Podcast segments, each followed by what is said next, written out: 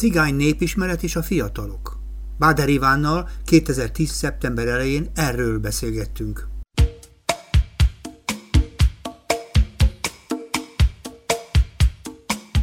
Báder Iván, pedagógus. Ugye mit lehet rólad rajta ezen a két-három szón kívül tudni? Mit lehet rólad tudni? Mit mondhatunk el a hallgatóknak, akik most fognak téged hallgatni? Ha érdekesek leszünk, akkor talán végig. Hát először is nagyon köszönöm a meghívást. Már csak az is, mert most vagyok ebben a rádióban először. Igen. És legalább megtudtam, hogy hol van a rádiótak. Úgyhogy uh-huh. ezt is nagyon örülök. A felvezető zene szerintem sok mindenki figyelmét azért felhívta, hogy akkor ezek szerint egy cigány emberrel fogsz beszélgetni. Hát nagyon sokáig tanít, mondtad, hogy tanár vagyok. Én rögtön, amíg meg se száradt a pecsét a diplomámon, már akkor olyan iskolákba mentem. Ez nekem egy ilyen elhivatottság tudat volt akkor, hogy cigány többségű iskolákba tanítsak. Én te gyerekkorodban is ennek készültél, pedagógus leszel? Vagy, vagy, vagy... Nagyon érdekes lesz majd, mert hogy én egy valaki hatására lettem pedagógus. És akkor szoktak beszélni a szüleim, majd azt el fogom mondani, szoktak beszélni a szüleim az a felmenőkről, tehát a nagyszülőkről, dédszülőkről. A nagyapám az se írni, se olvasni nem tudott még. Mi egy Heves egy kis településen nőttünk fel, ez Kápolnán van, ez Eger mellett van, és ott a nagyapám zenélni tanított, tehát ők romungrók voltak, tehát uh-huh. zenész cigányok, tehát nem beszéltek, nem beszélték a cigány nyelvet anyai ágon is, apai ágon is, és az apai nagyapám ő, ő eléggé híres volt nem hírhet, hanem inkább híres volt ott a környéken, és nagyon sok cigány gyereket tanított. És állítólag erre szokták azt mondani a családon belül, hogy olyan pedagógus vénánya lehetett, mert mondom még egyszer, se én is se olvasni nem tudott, és ilyen helyettesítette a, a kottát bizonyos eszközökkel, hogy meg tudja tanítani hegedülni a gyerekeket, és más településekről is hordták hozzá. Hogy ez a pedagógus véna öröklődötte, és mondom én, akik ugye elítél az ilyen genetikai öröklődéseket, főleg a cigány származásról van szó, akkor ha minden igaz, akkor talán ez a pedagógus véna az onnan jöhetett. Egyébként nem gondoltam arra nagyon sokáig, hogy én tanár legyek. Az érdekes, mert ugye én nagyon kevés igazi vérbeli pedagógussal találkoztam a, ebben a világban, cigány értelmiségi körbe, és mondom, téged olyannak érzékelek, aki jól reagálsz például fiatalokra, vannak olyan mozdulataid, kifejezéseid, amit, ami, hogy, hogy mondjam, a vénában van benne genetikailag. Ezért próbáltam én is erre az irányba ebből kiindulni. Egyébként ö, ö, nem gondoltam sokáig, hogy tanár legyek, hanem kerestem én is a helyemet ebbe az egész történetbe, hogy mi is legyek. Például, hogy éppen ahogy mondhatom, hogy a fiatalokról is beszélgetünk, én nem tartottam jónak ott, hogy nekem 14 évesen már el kellett döntenem, hogy mi legyek valójában, tehát én ezt hibának tartom, mert nem tudjuk. És beírattak engem egy középiskolába, ahol az az igazság, hogy amit tanultam, azt nem szerettem tanulni, uh-huh. de ott volt egy nagyon-nagyon-nagyon-nagyon jó tanárom, egy történelem szakos tanár, akinek a filozófiája, egyáltalán a módszerei, a személyiség olyan hatásol volt rám, hogy én eldöntöttem. Én, nekem felvettek a, akkori rajkó zenekarba. Tehát a szülők azt akarták, hogy menjen tovább ez a zenész cigány hagyományrendszer, tehát én cimbalmozni tanultam, amit én már megsúgok, és nem élem, hogy apukám ezt nem olyan nagyon utáltam. Mm. És Titok... hogy ment azért ezzel együtt? Tudtál? Tudsz? Ne, most, most is tudsz? Most is egy nagyon keveset játszok előtte, hanem titokban azt csináltam, hogy összehangoltak több hangszert, mert Igen. apukámék nagyon sok hangszeren játszottak, hát meg abból létek meg, hogy jártak ugye lakodalmakat muzsikálni, majd erről még beszélek, amikor a hagyományokról beszélünk, és össze voltak hangolva a hangszerek, és nekem jobban tetszettek a billentyűs hangszerek. Uh-huh. És amikor nem hallotta apukám, mert elzárta a zongorát, meg a, a harmonikát, harmonikát, meg ezeket a billentyűs hangszereket, akkor én titokban mindig a harmonikát játszottam. Tehát úgy tanultam meg harmonikázni, hogy senki nem tanított. Uh-huh. És amikor már a főiskolára bekerültem, akkor minden reggel az énekszakosoknak a terme szabad volt, akkor én bementem mindig az énekterembe, és magamtól kezdtem el. Tehát úgy tanultam meg zongorázni, hogy nem is tanított valójában senki. Tehát engem fel is vettek a Rajkó zenekarba, akkor még a Farkas Gyula bácsi volt annak a vezetője, és én nem jöttem. Na most ezzel nagyon kiváltottam a családnak a haragját, és akkor azt mondta apukám, hogy akkor rendben van, de csak is orvos lehet akkor belőlem. Uh-huh. Tehát mi ne váltunk volna olyan nagyot, na én meg ezt meg nem akartam. Uh-huh. És akkor ez titokba volt kezelve, hogy én majd tanárképzőbe fogok menni. Pont, és nem is írta alá jelentkezési lapomat akkor annak idején. Hmm. Tehát ez volt a, már nem voltam még 18 éves, tehát alá kellett én a szülőknek, és anyuval beszéltem meg, hogy akkor titokban ő írta alá, tehát ez az apukámnak a háta mögött ment ez a történet.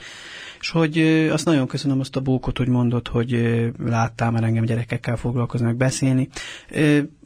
Én ezt két mondatba le tudom rendezni annyival, hogy én úgy gondolom, hogy mindenféle előítéletes, előítéletmentesen kell viszonyulni mindenféle gyerekhez, függetlenül attól, hogy az cigány, vagy nem cigány, vagy bármilyen más kultúrához tartozik, és szerintem ez az egésznek a lényeg. És ha a gyerek ezt érzi, hogy hozzá úgy viszonyul az ember, akár gesztusaiban, akár verbálisan, akár hogy hogy ö, ö, érezze a gyerek azt, hogy ő számára, az ember, a felnőtt ember számára fontos, és szerintem te ezt láttad bennem, uh-huh. amikor kaptam tőled most ezt a dicséretet, uh-huh. amit köszönök. Uh-huh. Na, és pedagógus lettél, és pedagógusként hol kezdtél? Mert ugye az az igazság, hogy azért annyi feladat van, és ugye elkerültél végül is egy nyolcadik kerületbe, legalábbis én ott találkoztam veled, az Erdély utcai általános iskolában, ennek azóta már más a neve, most már Lakatos Menyhért általános művelési központ, ami talán mindenféle szempontból érdekes iskola, mert azért is nagyon sok cigány gyerek látogatja, időnként a negatív hírek főszereplője, ugyanakkor hihetetlen aranyos emberek vannak ott, és sok érdekes szereplő van, tehát nem biztos, hogy egyszerű világba kezdtél el dolgozni. Itt kezdtél? Sőt, én oda csak 99-be kerültem, én hmm. korábban a, a 9. kerületbe kezdtem pályakezdeni. Tehát felkerültem Pestre, és innen is köszönöm a Csolida Róci Józsefnek a segítségét, uh-huh. mert hogy ő vele találkoztam még főiskolás koromba. Uh-huh. Sőt, mindig tanár úr azon mind a mai napig egyébként. Ő, ő ajánlotta fel, hogy akkor a kaiakba kezdjek dolgozni. Csak hát ugye a kaiakba, a Roma Nemzetiségi Szakiskola akkor alakult meg, azt hiszem, hogy két éves sem működött még és ott történelmet kellett volna tanítani, de mindegy, ez nagyon bonyolult történet. A lényeg az, hogy oda kerültem félállásba, hát Pesten megélni nagyon minimálisan mm, tudtam volna ebből az összegből, ezért kellett még mellé találnom valamit, és akkor a 9. kerületbe a Lenhosék utcába, ami körülbelül ugyanolyan volumenű, mint ugye a Lakatos menyhét, tehát a gyerekeknek az összetétele szintén úgy majdnem 100%-ban cigány többségi iskola volt, és akkor oda kerültem egy alsós osztályba, voltam napközis pedagógus, így kezdtem én is a pályát, nagyon imádtam azt a csapatot. Uh-huh. Tehát én úgy tanítottam őket délután, ez a napközis foglalkozás, ez szinte ilyen olyan volt, mintha délelőtt tanultak volna, tehát ugyanannyit tanultottam meg délután, igen, a napközis foglalkozásoknak a súlyát, azt úgy értékeltem, mint hogyha ugyanolyan fontosságú lett volna, mint egy délelőtti tanítás. Kétségkívül rá kell segíteni ilyenkor a gyerekeknek, mert ezért sok gyereknek a tanulás nagyon nehéz, és akkor a délutáni munka az nem egyszerű a legeltetésből állt, hanem valószínű tanításból. A kötetlen időt lehet a legjobban kihasználni, hogy te is vallod, arra, hogy még több információt át tudjál adni, mert az nem kötött idő, hanem te töltöd meg tartalommal. És szerint szerintem a napközis foglalkozásokat így kellene értékelni a kollégáknak is, és sokkal több lehetőség van ahhoz, hogy közelebb kerüljön. Van még egy diplomád, úgy tudom, hogy te szociológus is vagy. Igen, Igen utána a munka mellett elvégeztem az eltén a szociológia szakot. Mert?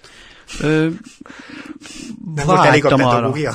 Nem, nem, nem, van az, hogy vágytam arra, tehát olyan jól hangzott, hogy legyen egy egyetemi végzettségem is, és által, tehát engem a társadalomtudományok jobban érdekeltek, és akkor ha már pedagógia, meg történelem szak, akkor úgy a szociológia az úgy kezelt, meg egyébként is azon belül volt egy ilyen specializáció, hogy kisebbség szociológia, és akkor már kezdett érdekelni engem a romológia területe, de főleg inkább a társadalomtudományi része ennek a történetnek, és ezért iratkoztam be akkor az eltére. Uh-huh. És hál' nagyon jó tanáraim voltak, úgyhogy érdekes is tudták tenni ezt a kisebbség szociológiai specializációt. Tehát a specializáció gyakorlatilag a kisebbség, pontosabban a cigányság, ugye? Így igen, is lehetne igen, mondani. Igen. Akkor ne beszéljünk el általában, konkrétan a cigányság, így is lehetne mondani. Hát maga a specializáció az az összes kisebbségről szól, de elsőlegesen jobban preferálva volt, tehát jobban uh-huh. ki volt hangsúlyozva a, a cigányokkal kapcsolatos uh-huh szociológiai kutatások tanulnak. Veled úgy találkoztam még az iskolában, hogy te cigány népismeretet tanítasz. És tulajdonképpen az emberek nagyon sokat nem tudnak erről a dologról. Ugye de jó lenne, hogyha mindenkinek a maga világa népét és a maga ismereteit át lehetne adni, és azért rengeteg népzenei törekvés van. De mi ez a cigány népismeret? Mi ez? Mit lehet tudni egy hallgatónak, aki semmit nem hallott még erről? Na most ez körülbelül engem is úgy, amikor én ezt az egészet vállaltam, hogy elkezdem ezt tanítani, az őszintén megmondom neked, ez egy kényszerhelyzet volt. Uh-huh. Mert akkor az iskolába is, tehát a, a törvény, az akkori törvényi szabályozások lehetővé tették, hogy egy ilyen tantárgyat, pontosabban nem is tantárgyat, hanem ilyen foglalkozásokat lehessen tartani.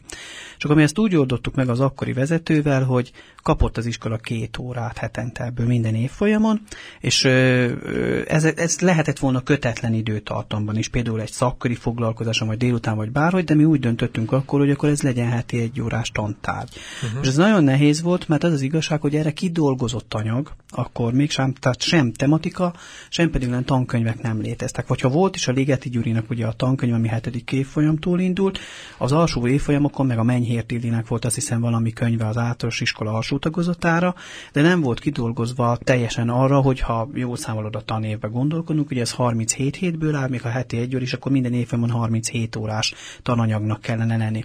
Tehát nekem azt össze kellett rakni, és azért ne felejtsük el, hogy egy elsős gyereknek megtanítani valamit a cigány kultúrából, meg egy nyolcadikosnak, ugye az életkori sajátosságokat figyelembe véve azért az egy kicsit nehezebb történet volt. Uh-huh. Tehát kidolgoztunk valamit, és én még mindig azt mondom ennyi év után is, ami még mindig nem tökéletes. A cigány népismeret az elsődlegesen azt jelenti, hogy cigány gyerekek, illetve nem cigányok közösen tanulnak a cigányok kultúrájáról, tehát a történetükről, a képzőművészetről, a zenéről, a tánckultúráról, vagy bármiről, ami a cigányok kultúrájához még hozzátartozik.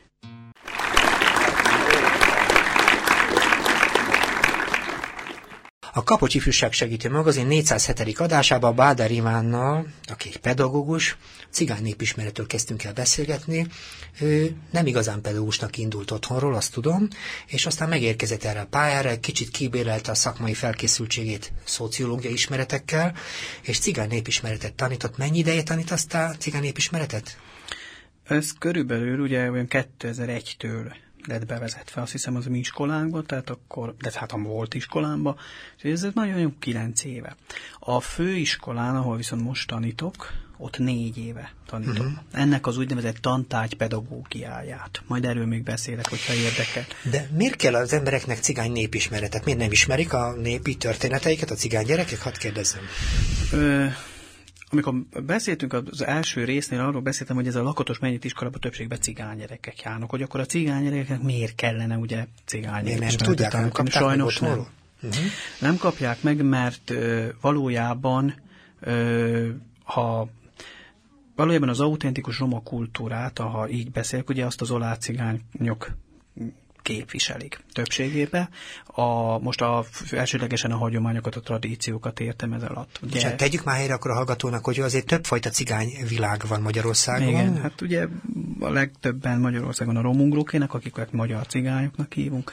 Akik nem beszélik az a nyelvet. Körülbelül a 70 százalék, akik nem beszélik a cigány nyelvet, illetve hát régebben volt egy idénezett kárpáti cigány nyelv, de azt már nagyon-nagyon kevesen beszélik ma mhm. Magyarországon. Uh-huh. Tehát ők ugye a 18. századi felvilágosult abszolutizmus uralkodóinak a hatására ugye kénytelenek voltak elfelejteni ezeket a, uh-huh. illetve ezt a nyelvet. És a második nagy csoport ugye a, a, az úgynevezett tolácigány csoport, ők olyan 20x százalék az összcigányságnak, ők, ők beszélik a nyelvet, a lovári. Több, többfajta nyelvjárás. Nyelvjárást beszélnek, így van, de uh-huh. a lovári nyelv az, ami Domináns ugye nemzetközileg is elfogadott uh-huh. lett. Ugye, meg ugye vannak a beás cigányok, akik kevesebb százalékban élnek, ők elsőlegesen Baranya megye környékén élnek, és egy ilyen óromán nyelvvel keveredett ö, nyelvet beszélnek.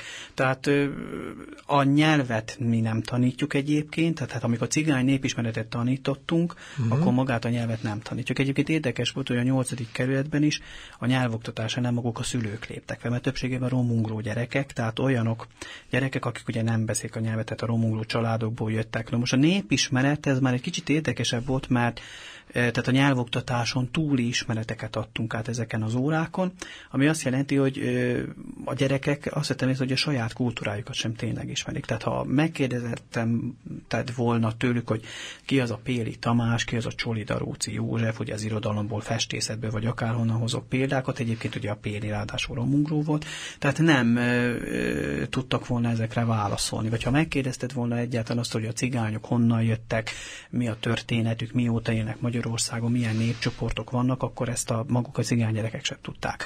Ami miatt meg főleg fontos lett volna, ami én harcoltam, hogy menjen tovább ez főleg gimnáziumi tagozatra is, ez a cigány népismeret oktatása, hogy ott már vegyes az összetétel, a szabad így fogalmazni, tehát ott már voltak, többen voltak a nem cigány gyerekek. Na most a nem cigány gyerekek a mostani híradásokból láthatod, hogy meg hallják a hallgatós is, hogy ugye nagyon komoly konfliktusok vannak cigányok és nem cigányok között. Már hmm. még a hmm. gyerekek között is az iskolába.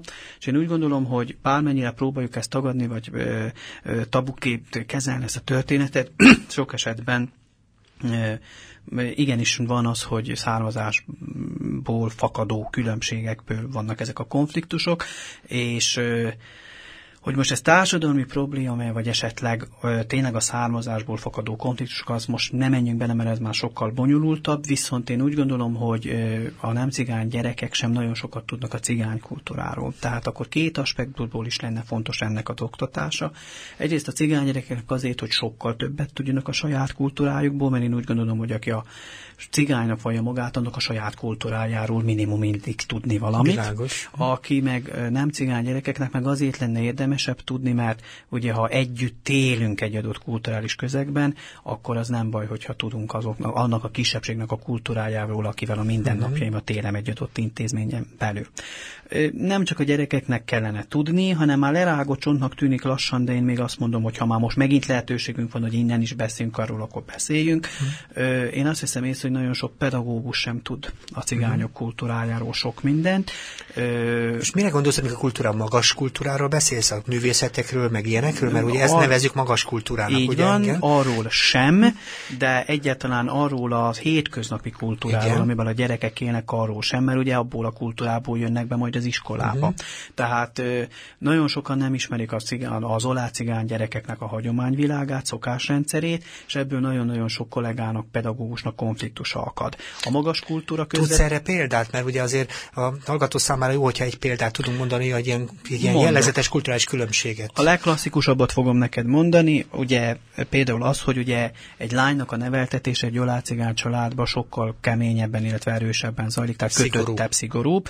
Így van, ez alatt azt hittem például mondjuk akkor egy pedagógiai szituációt, ö, ugye testnevelő kollégák kerülnek gyakran abba a szituációba, hogy nem értik meg azt, hogy például miért nem akar egy olá cigány családból jövő kislány ugye átöltözni például egy tornaórára.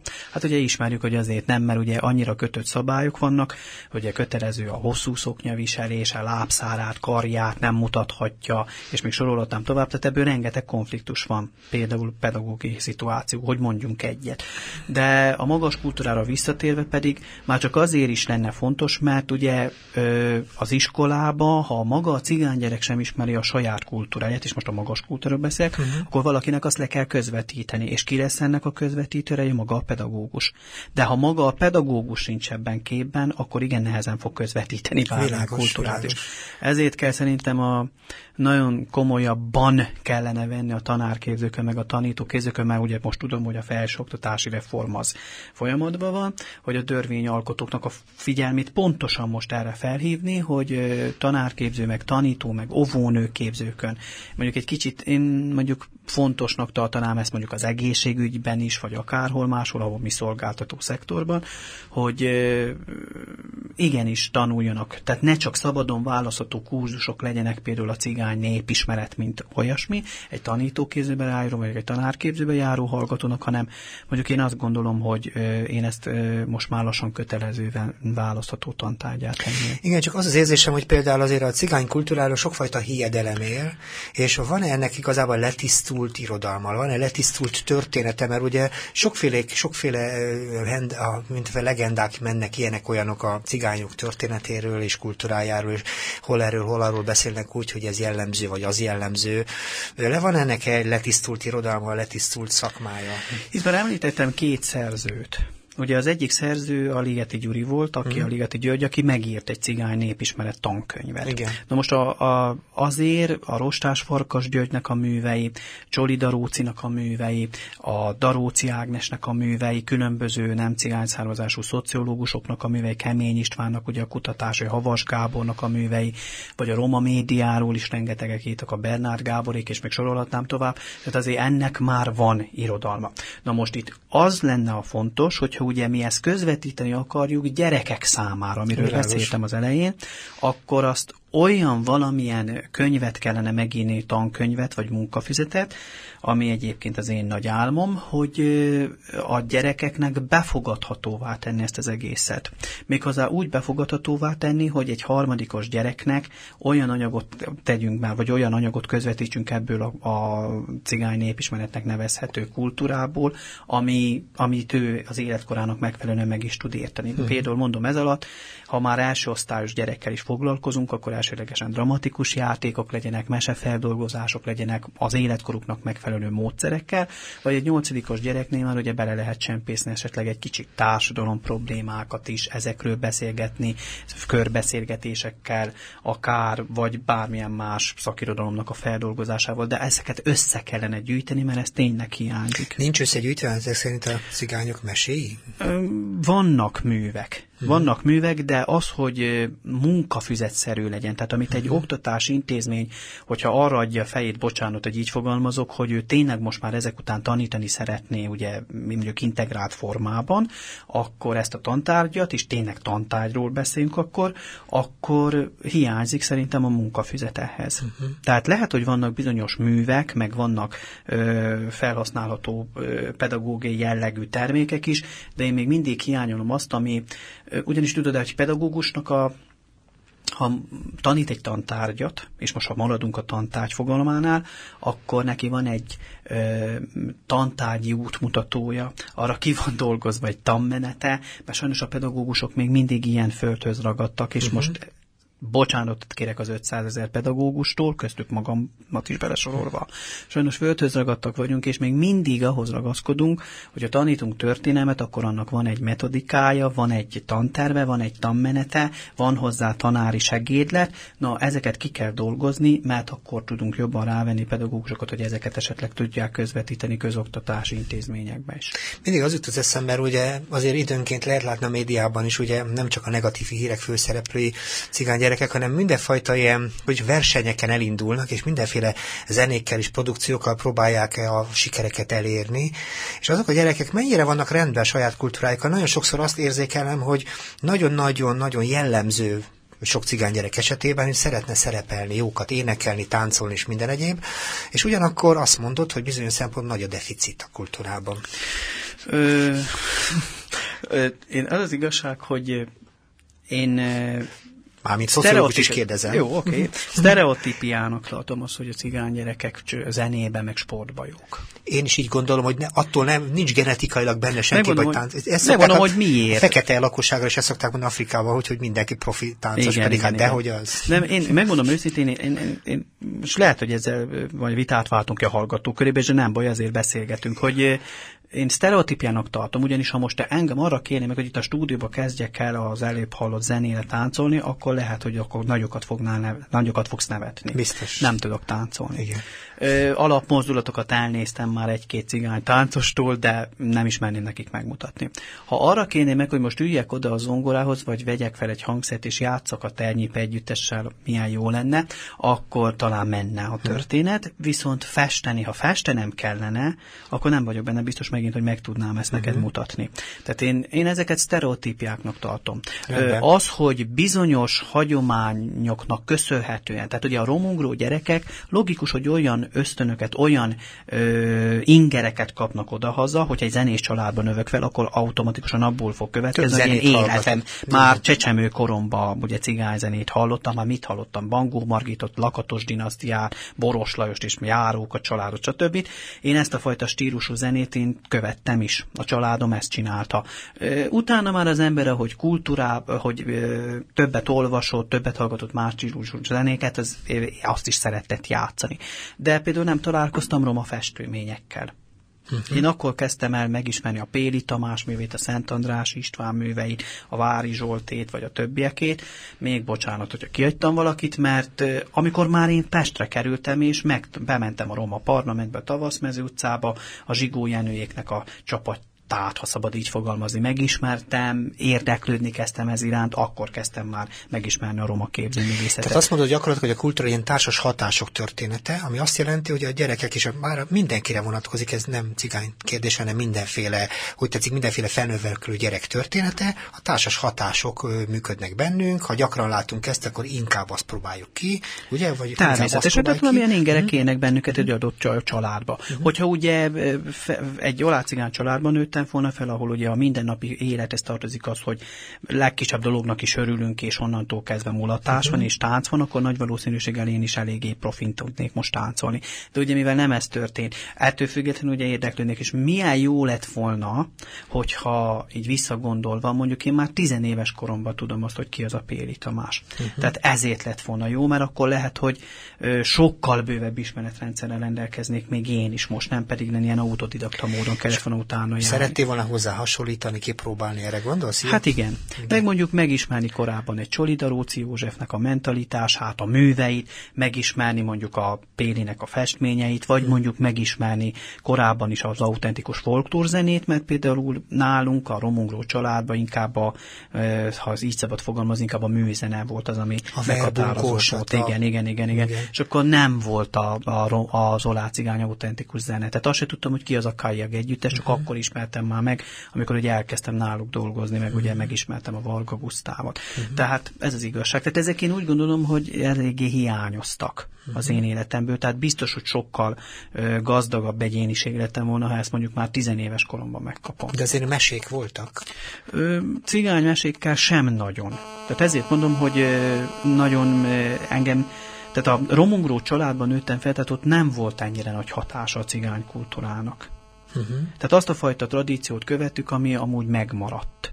Uh-huh. Én azt érzékeltem, múltkor beszélgettem valakivel, hogy nagyon kevés mesét írtak le például. A látszat ellenére én amennyi cigány gyerekkel beszélgettem életem során, nagyon sok gyerekkel arról hallottam, hogy nagyon sok mesét hallott gyerekkorában a nagypapájától, vagy a papájától, és ahhoz képest nagyon keveset lehet találni. Az irodalomban néztem éppen, mire készültem erre a műsorra, az interneten, hogy hány és hányféle, és azért a az én személyes benyomásomhoz képest nagyon es, egységével kevesebbet. Igen, de hmm. még amióta ugye egy a 80-as, 90-es évektől már ö, úgymond ö, engedélyezik ennek a kultúrának az érvényesülését is, hogyha mhm. szabad így fogalmaznom, azóta azért már egyre több gyűjtött mese megjelenik.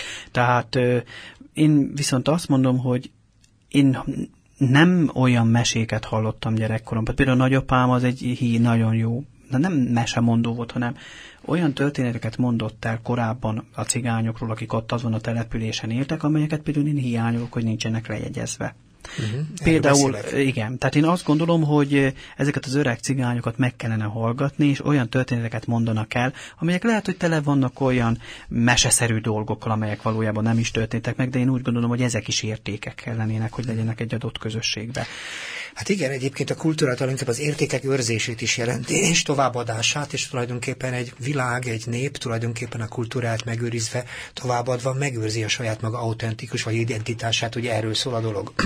De tudunk a hétköznapban például olyan dolgot, ami mondom továbbadni való hagyomány, szokás, mert ugye Arról is beszéltünk még a legelején, ugye, hogyha cigány népismeretről beszélünk, akkor nem feltétlenül csak a magas művészeti mozzanatokat kéne előhozni, hanem hagyományokat, szokásokat, olyan fajta jellemzőket, ami tulajdonképpen a cigány népismeretre jellemző, a cigányokra jellemző ad abszurdum, Tudsz-e ilyeneket? Vagy hogy fogjuk fel, hogy kell egy ilyen dolgot igazából átadni, megtanítani? Mi az, ami ebből marad? Mert ugye azért a, a más népek kultúrájában is egy csomó olyan hagyomány nem is biztos, hogy előnyére szolgál az ottani embereknek. Egy csomó szokás például lelassítja, úgy tetszik a fejlődést egy társadalomnak, csomó dolog pedig előnyére válik. Tehát, hogy hogy van ezzel a cigány kultúra, hogy van ezzel a cigány hagyomány Jó. tanítója?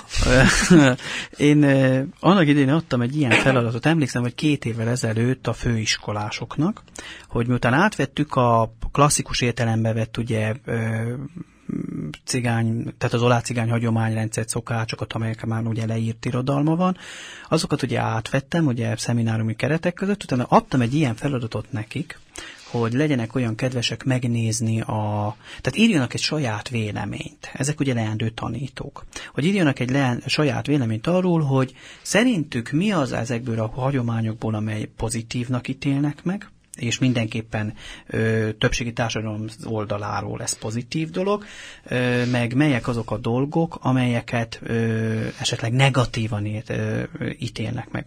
És meg, nem fogsz meglepődni rajta, meg szerintem a hallgatók se, sokkal több volt a negatív visszajelzés. Tehát az, hogy felsoroltak ilyeneket, hogy ö, 14 éves korban miért kell kinézni a lánynak a leendő férj, sőt már korábban is van, amikor gyerekkorban, meg mi az, hogy a lánynak a véleménye nincs kikérve akkor, hogy ha megegyezik ugye a két apa abban, hogy ki lesz a leendő férje a, a lánynak, meg stb. Tehát még sorolhatnám ezeket Tehát a szokás dolgokat. az, hogy tulajdonképpen a lánynak nincs beleszólása, hogy kinek a felesége lesz. Hm. Igen, hm. tehát hogy kinek a felesége lesz, hanem ez egy megállapodás, és ugye annak van egy adott hagyományrendszere, tehát ezt például ők negatív dolognak ítélték meg.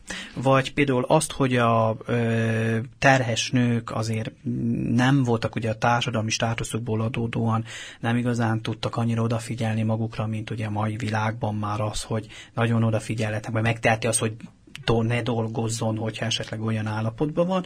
Ott ugye az utolsó pillanatig dolgozni kellett, el kellett tartani a családot, meg el kellett látni, hogy például ezt ők negatívnak ítélik meg, már hát ugye, hogy mi az, hogy nincs kikémélve egy terhesség alatt, már hogy ez majd későbbiekben milyen problémákat okozhat egy magzatnál, vagy stb. Tehát jobban előjöttek inkább a negatív dolgok. Uh-huh. Érdekes. E, bizonyám ezekben a, a megállapításokban, és nagyon-nagyon kevés volt az a pozitív dolog, amit esetleg pozitívnak értékeltek. Uh-huh. Ez fontos kérdés, mert ugye tulajdonképpen legyünk őszinték, azok a hagyományok szoktak megmaradni minden népnél, amelyek nem akadályozója a hétköznapi életnek, hanem úgy tetszik elősegítője, amitől biztonságosabban jobban lehet élni. És ha azt mondod, hogy egy-két ilyen, úgy tetszik, hagyománynak beállított szokásrendszer ad abszolút akadály, vagy nehézség, vagy gond, akkor az valószínűleg nem fog megmaradni.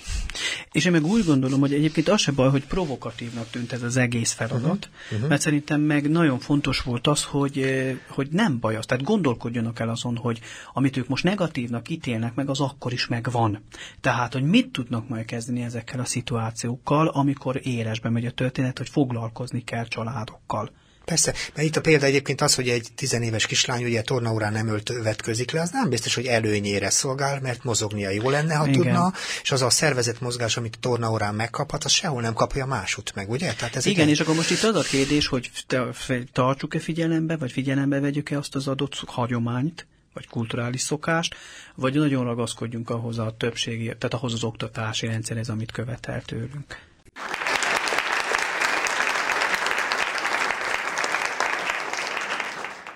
A Kapos Ifjúság Segítő Magazin 407. adásában Páder Ivánnal aki egy pedagógus, a cigány népismeretről beszélünk, és beszéltünk arról a magas kulturális, ha úgy tetszik, fedezetről, ami ezt a kultúrát kibélel is, hogy tetszik megjeleníti, művészekről, irodalmáról, és sok minden másról lehet beszélgetni, és beszélgettünk azokról a hagyományelemekről, ami tulajdonképpen azért a magyarországi cigányságot mindenféle népcsoportjában jellemzi.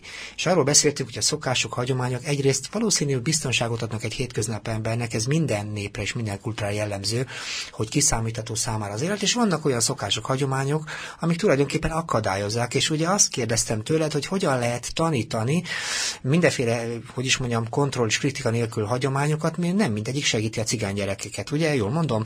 Tehát, hogy van-e ebben a dologban valami rendező el, valami szempont, és ugye hogyan közelíthetik azok az emberek, akik nem is cigányok ebben az értelemben, azokat a hagyományokat, ami hétköznap életben néha félreértésekről szólnak egy-egy napi konfliktusban.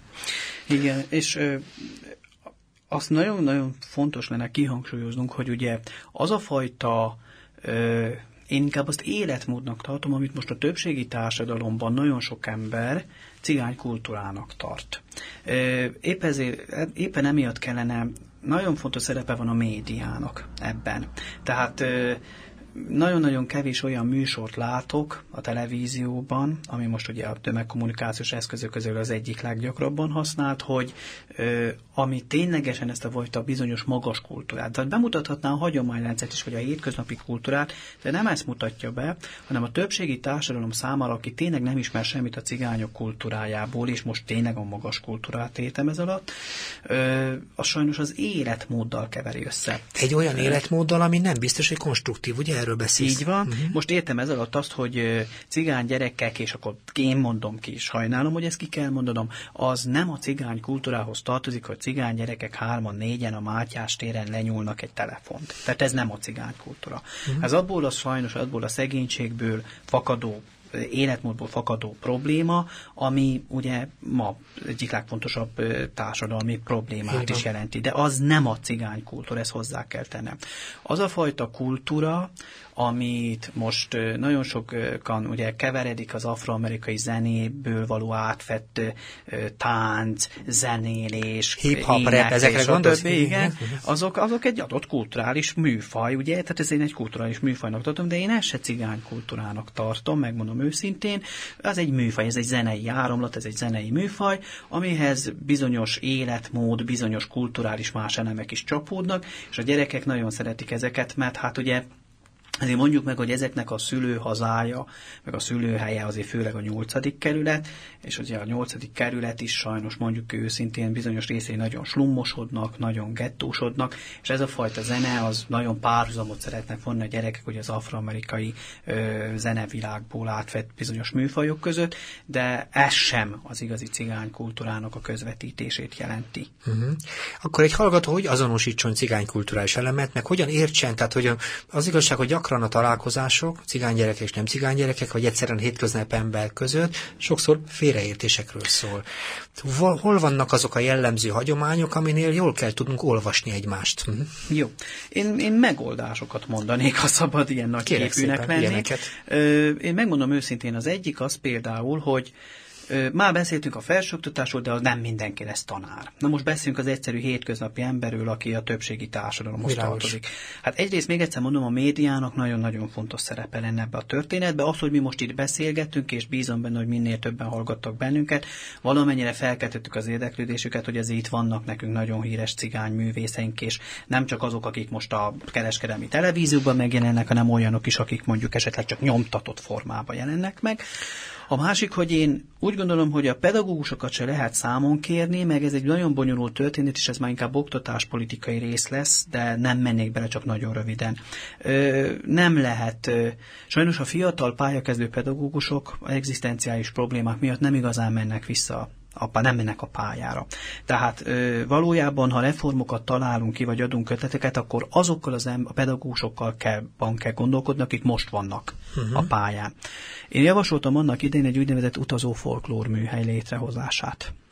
Méghozzá ez alatt azt érteném, hogy igenis jó lenne egy néprajzosnak, egy zenekarnak, akár mondjuk a hallottak közül bármelyikkel, elmenni azokba az iskolákba, akik most már egyre jobban felmérik annak a szerepét, hogy igenis tudni kell valamit közvetíteni a kultúráról. Ha zenével színesítjük, illetve táncol ezt a történetet, akkor bocsánat, hogy így fogalmazok, de el lehet adni az iskola tanulóinak egy kis képzőművészetet, el lehet adni egy kis beszélgetést, el lehet adni egy kis politikát, akármit, ami a romákkal kapcsolatos. És ez az utazó folklór műhelye szépen azokban az intézményekben, ahol erre igény van, oda nyugodtan elmehetne. Persze ennek van egy anyagi háttere, amelyet meg kellene valósítani. Uh-huh. Azoknak az iskoláknak, akik erre igényt tartanak, igenis fontos lenne, hogy tényleg ez a munkafizet kidolgozódjék, hogy legyen tanári segédlet a tanároknak, akik esetleg most már mégis fontosnak tartják ennek a kultúrának a közvetítését. Én ezeket tartom most a legfontosabb dolognak. Uh-huh. Azt kérdezem tőled, mert ugye ezek a, kult, ugye ezek magas művészeti mozzanatok. De ugye továbbra is az az én igazi tört gondolatom, hogy azért a hétköznapi élet nem ezekben a kulturális tájékozatlanságokban lelező konfliktusokról szól, hanem egy csomó félreértésről. Egy rámenős cigánygyerekről szól, aki az utcán életmódszerűen úgy tetszik csinál ezt meg azt, valamit el kell tőle fogadni, vagy nem. Tehát vannak-e olyan dolgok, amit például ilyen szempontból, hagyomány szempontjából tovább folytatónak tartasz, érdekesnek, vagy érteni valónak a nem cigány társadalom számára? Ö, az, hogy amiről beszéltünk most példát, az, hogy ugye Mátyás téren mi történik, most mondtuk egy például szegény Mátyás téret mindig most mi tettük egyébként sztereotípiává. Igen, de mondom. megmondom, ez szociális probléma. Uh-huh. Ez nem kulturális hagyománynak tartom, ezzel nem is kell foglalkozni. Ezzel foglalkozzon a gyerekvédelmi hálózat, meg foglalkozzanak a uh-huh. jelzőrendszerek. Ezt én úgy gondolom, hogy ez egy gyerekvédelmi probléma.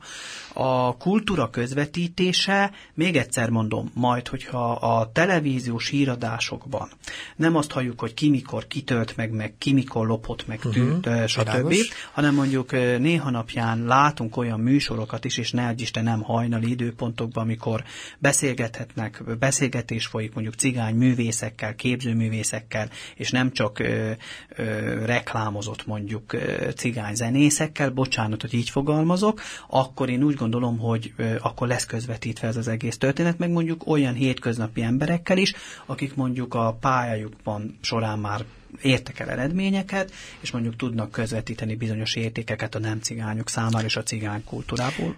Hadd kérdezem, hogy a tanítás során meg 9 évet tanítasz gyakorlatilag cigány népismeretet.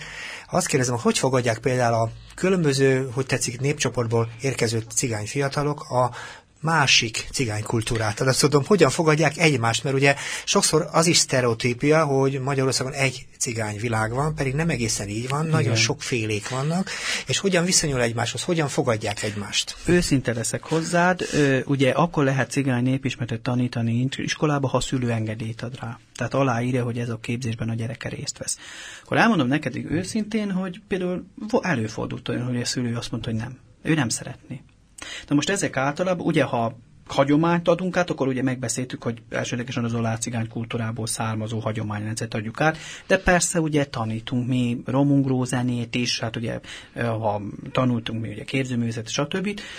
Nagyon sokan először meg kellett győzni a szülőt, hogy miért fontos ez a gyereke számára, és csak úgy ment bele. A miket gyerekek... mondom, bocsánat, miket szoktál mondani, hogy, hogy miért fontos a szülő számára?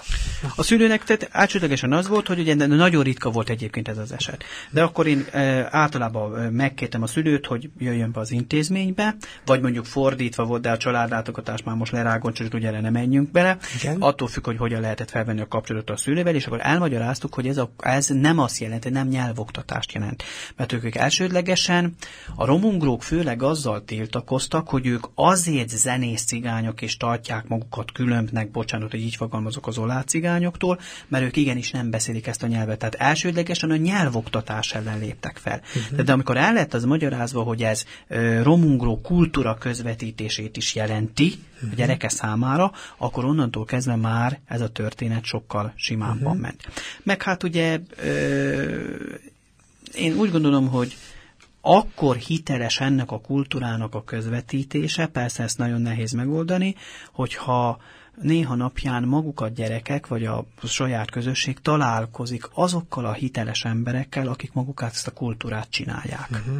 Tehát értem ez alatt én nagyon fontosnak tartanám, hogy egy gimnáziumban, akár egy jó működő gimnáziumban, nagyon jó híres gimnáziumok is, mondjuk néha napján meghívnának egy-egy írót, egy-egy költőt, egy irodalmi estre, esetleg kiállítás szerveznének mondjuk a roma képzőművészetek arckép csarnokából valakivel, vagy meghívni még élő legendát, legendákat most már, ha szabad így fogalmazni, vagy akár esetleg zenészeket is. Uh-huh.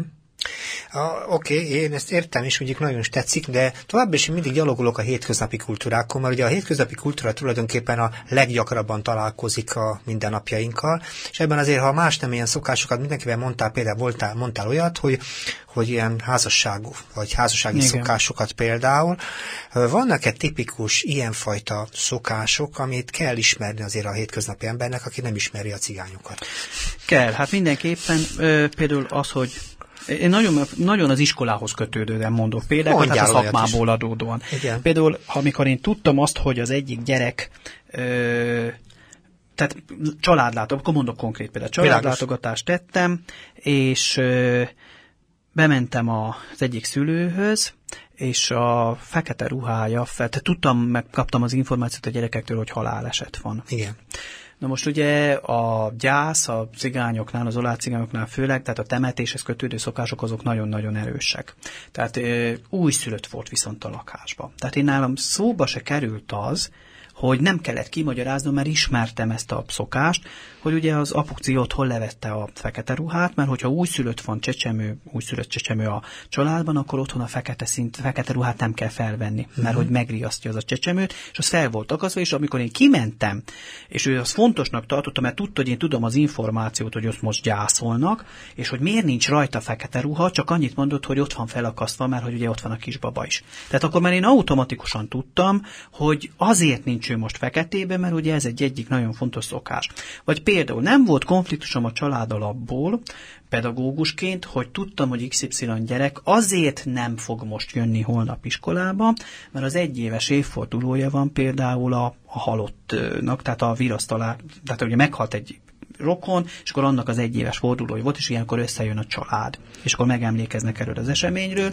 Tehát én nem vontam kétségbe ezt a történetet, és az az igazság, hogy én ezt igazolt hiányzásnak vettem. Uh-huh. Vagy nem volt kétséges számomra az, hogy a gyerek 8 óra 20-kor érkezett meg az iskolába, mert tudtam, hogy halott van a családban, és gyász, tehát virasztalni voltak, és már olyan korú volt a gyerek, hogy ő részt vetett a virasztaláson.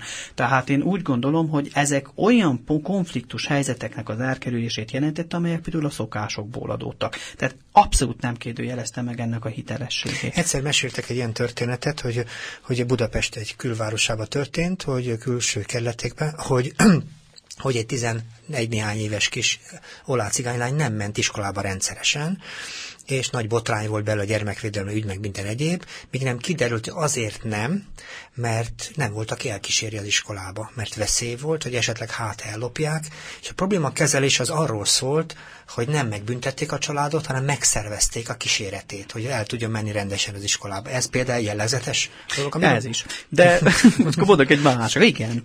Mert hogy féltik a lányt, mert ugye hát a dolácigánynának szűzen kell férhez mennie. Igen, Tehát igen, na most ezért nehéz. Ugy, ugyanebből adódik egy keményebb, tehát ugyanilyen pedagógiai szituáció, amikor nekem meg kellett győzni fiú esetében a családot, hogy elengedjék például táborba a gyereket. Mert uh-huh. ugye annyira családcentrikusság van, hogy nagyon-nagyon féltik. Főleg lány esetében volt ez probléma, hogy akármilyen szuperpedagógus lettem volna, akkor se engedték el erdeiskolába vagy táborba több napra otthonról a lányt, mert ugye még szűz volt, és már neki alapjáratban meg volt, hogy kit kell, kihez kell majd ugye, ki a mhm. választotja. Tehát még Isten őriz, hogy csak ennek a helyzetnek a lehetőség és fennálljon. Sőt, olyan is volt, hogy bevittem én egy gyereket szintén olácigán családból ilyen mentorprogramba, ahova ugye alap lett volna, hogy elmenjünk néha napján színházba, vagy moziba, tehát szervezni kellett ilyen szabadidős programokat is. Nagyon-nagyon nehéz volt emiatt leszervezni. Tehát ha a személyem, aki hiteles a család számára, mint szakember, nem az én személyem nem lett volna, akkor például a gyereket nem engedték volna még el ilyen helyekre uh-huh. sem. Tehát ez, ezek például így jelennek meg. Na, ilyenkor kell egy pedagógusnak nagyon jó nexust kialakítani a családdal, hogy hatással tudjon lenni. Mondok még egy példát. Bocsánat, hogy a ez megtörtént eset volt, és szerintem ismered is a gyereket. A lényeg a következő, hogy nem jöttek és nem jártak iskolába. És én ezt nagyon meguntam, mert a gyerek az az én osztályomban járt akkor, ja nem, akkor még a harmadikos volt, a nagyobb gyerek meg nem igaz negyedikes, a nagyobb már nyolcadikos volt, és nem jártak iskolába, és ö, senki nem tudta ezt a szituációt megoldani. Tehát hiába volt itt a szolgál, gyerekjóléti szolgálatárokáról jelezve, és azt mondtam, hogy na jó, akkor ezt majd én megoldom és felmentem a minden reggel, akkor én a Szeszgyár utcába laktam egy albéletbe, átvágtattam a, és ez megtörtént volt, átvágtattam a Dankút, a Luisa utcán, és kérem szépen felmentem a családhoz, és ha hiszed, ha nem, kivettem a gyerekeket az ágyból, uh-huh. megvártam, amíg felöltöznek, uh-huh. és utána mind a kettőt bekísértem az iskolába. Tehát én voltam a kísérője a gyerekeknek. Uh-huh. Ö, a nagyobb gyerek már a második ilyen alkalom után már elapjáratba bement az iskolába, mert milyen ciki volt ott a lányok előtt, hogy az Iván bácsi kísérget őt az iskolába, tehát már nem vált meg, hanem ő már automatikusan fel volt ötöz és inkább be. A kisebb gyerek az még akkor is megtette azt, hogy megválta azt, hogy én őt kísértem az iskolába, és abszolút nem volt ebben. Tehát annyira kényeztetve voltak a gyerekek, mert ugye az is jellemző, hogy nagyon-nagyon óvják, féltik a gyerekeket, akár még a fiú gyereket is, uh-huh. de és e, emiatt ez is benne volt, hogy sajnos ott már, bár ez mondjuk nem csak kulturális elem volt, hanem ott egy kicsit a szülői nevelési ott más történet is lehetett, igen. de nagyon érdekes és jellegzetes dolog volt, és jellegzetes példákat mondtál, és itt tulajdonképpen most lehetne aztán igazán sorolni ezeket a történeteket, igen. és az időnk elfogyott. És az idő az tulajdonképpen egy nagy úr, de van még a végére mondani valami, valami kulcs tulajdon, hogy miért kell egyébként Magyarországon cigány nép is mert van-e ezzel kapcsolatosan még valami záró gondolatod aztán? Ö, én, úgy, én azt látom, hogy az utóbbi években, most ez egy sablonszöveg lenne, hogy most olyan helyzet van Magyarországon, ami az előítéleteket még jobban előhozza, de sajnos ez tényleg így van. És ahhoz, hogy ö, két kultúra egymás mellett tényleg békességbe tudjon élni, az azt jelenti, hogy a és akkor legyen az, hogy a mi oldalunkról is kell egyfajta integrációs törekvésnek lenni, ezért ezt mondjuk őszintén, tehát amikor csak a másik oldal előttet egy integrációt, akkor az szerintem olyan hideg integráció lesz, hogy abból semmi jó nem sül el. Én azt gondolom, hogy nekünk, a cigányoknak is a mi oldalunkról is kell lenni, tehát nem csak a saját kultúránkat kell megismerni, hanem igenis a többségi kultúrában is járatosnak kell lenni, viszont elvárjuk azt is, és akkor ez lesz a záró mondanom, hogy ahhoz, hogy két kultúra békésen tudjon egymás mellett megélni, ahhoz a többségi kultúrának is ismerni kell a mi kultúránkat. Legyen így, és legyen egy végszó, és nagyon szépen köszönöm a beszélgetést. Én köszönöm a És köszönöm a technikai közreműködést Kárász Juditnak és Romsics Balázsnak, és szeretném átadni a stafétabotot az utánunk következő műsornak, a Név és Ember programnak, amit szerkeszt és vezet Pogány György. Viszont hallásra!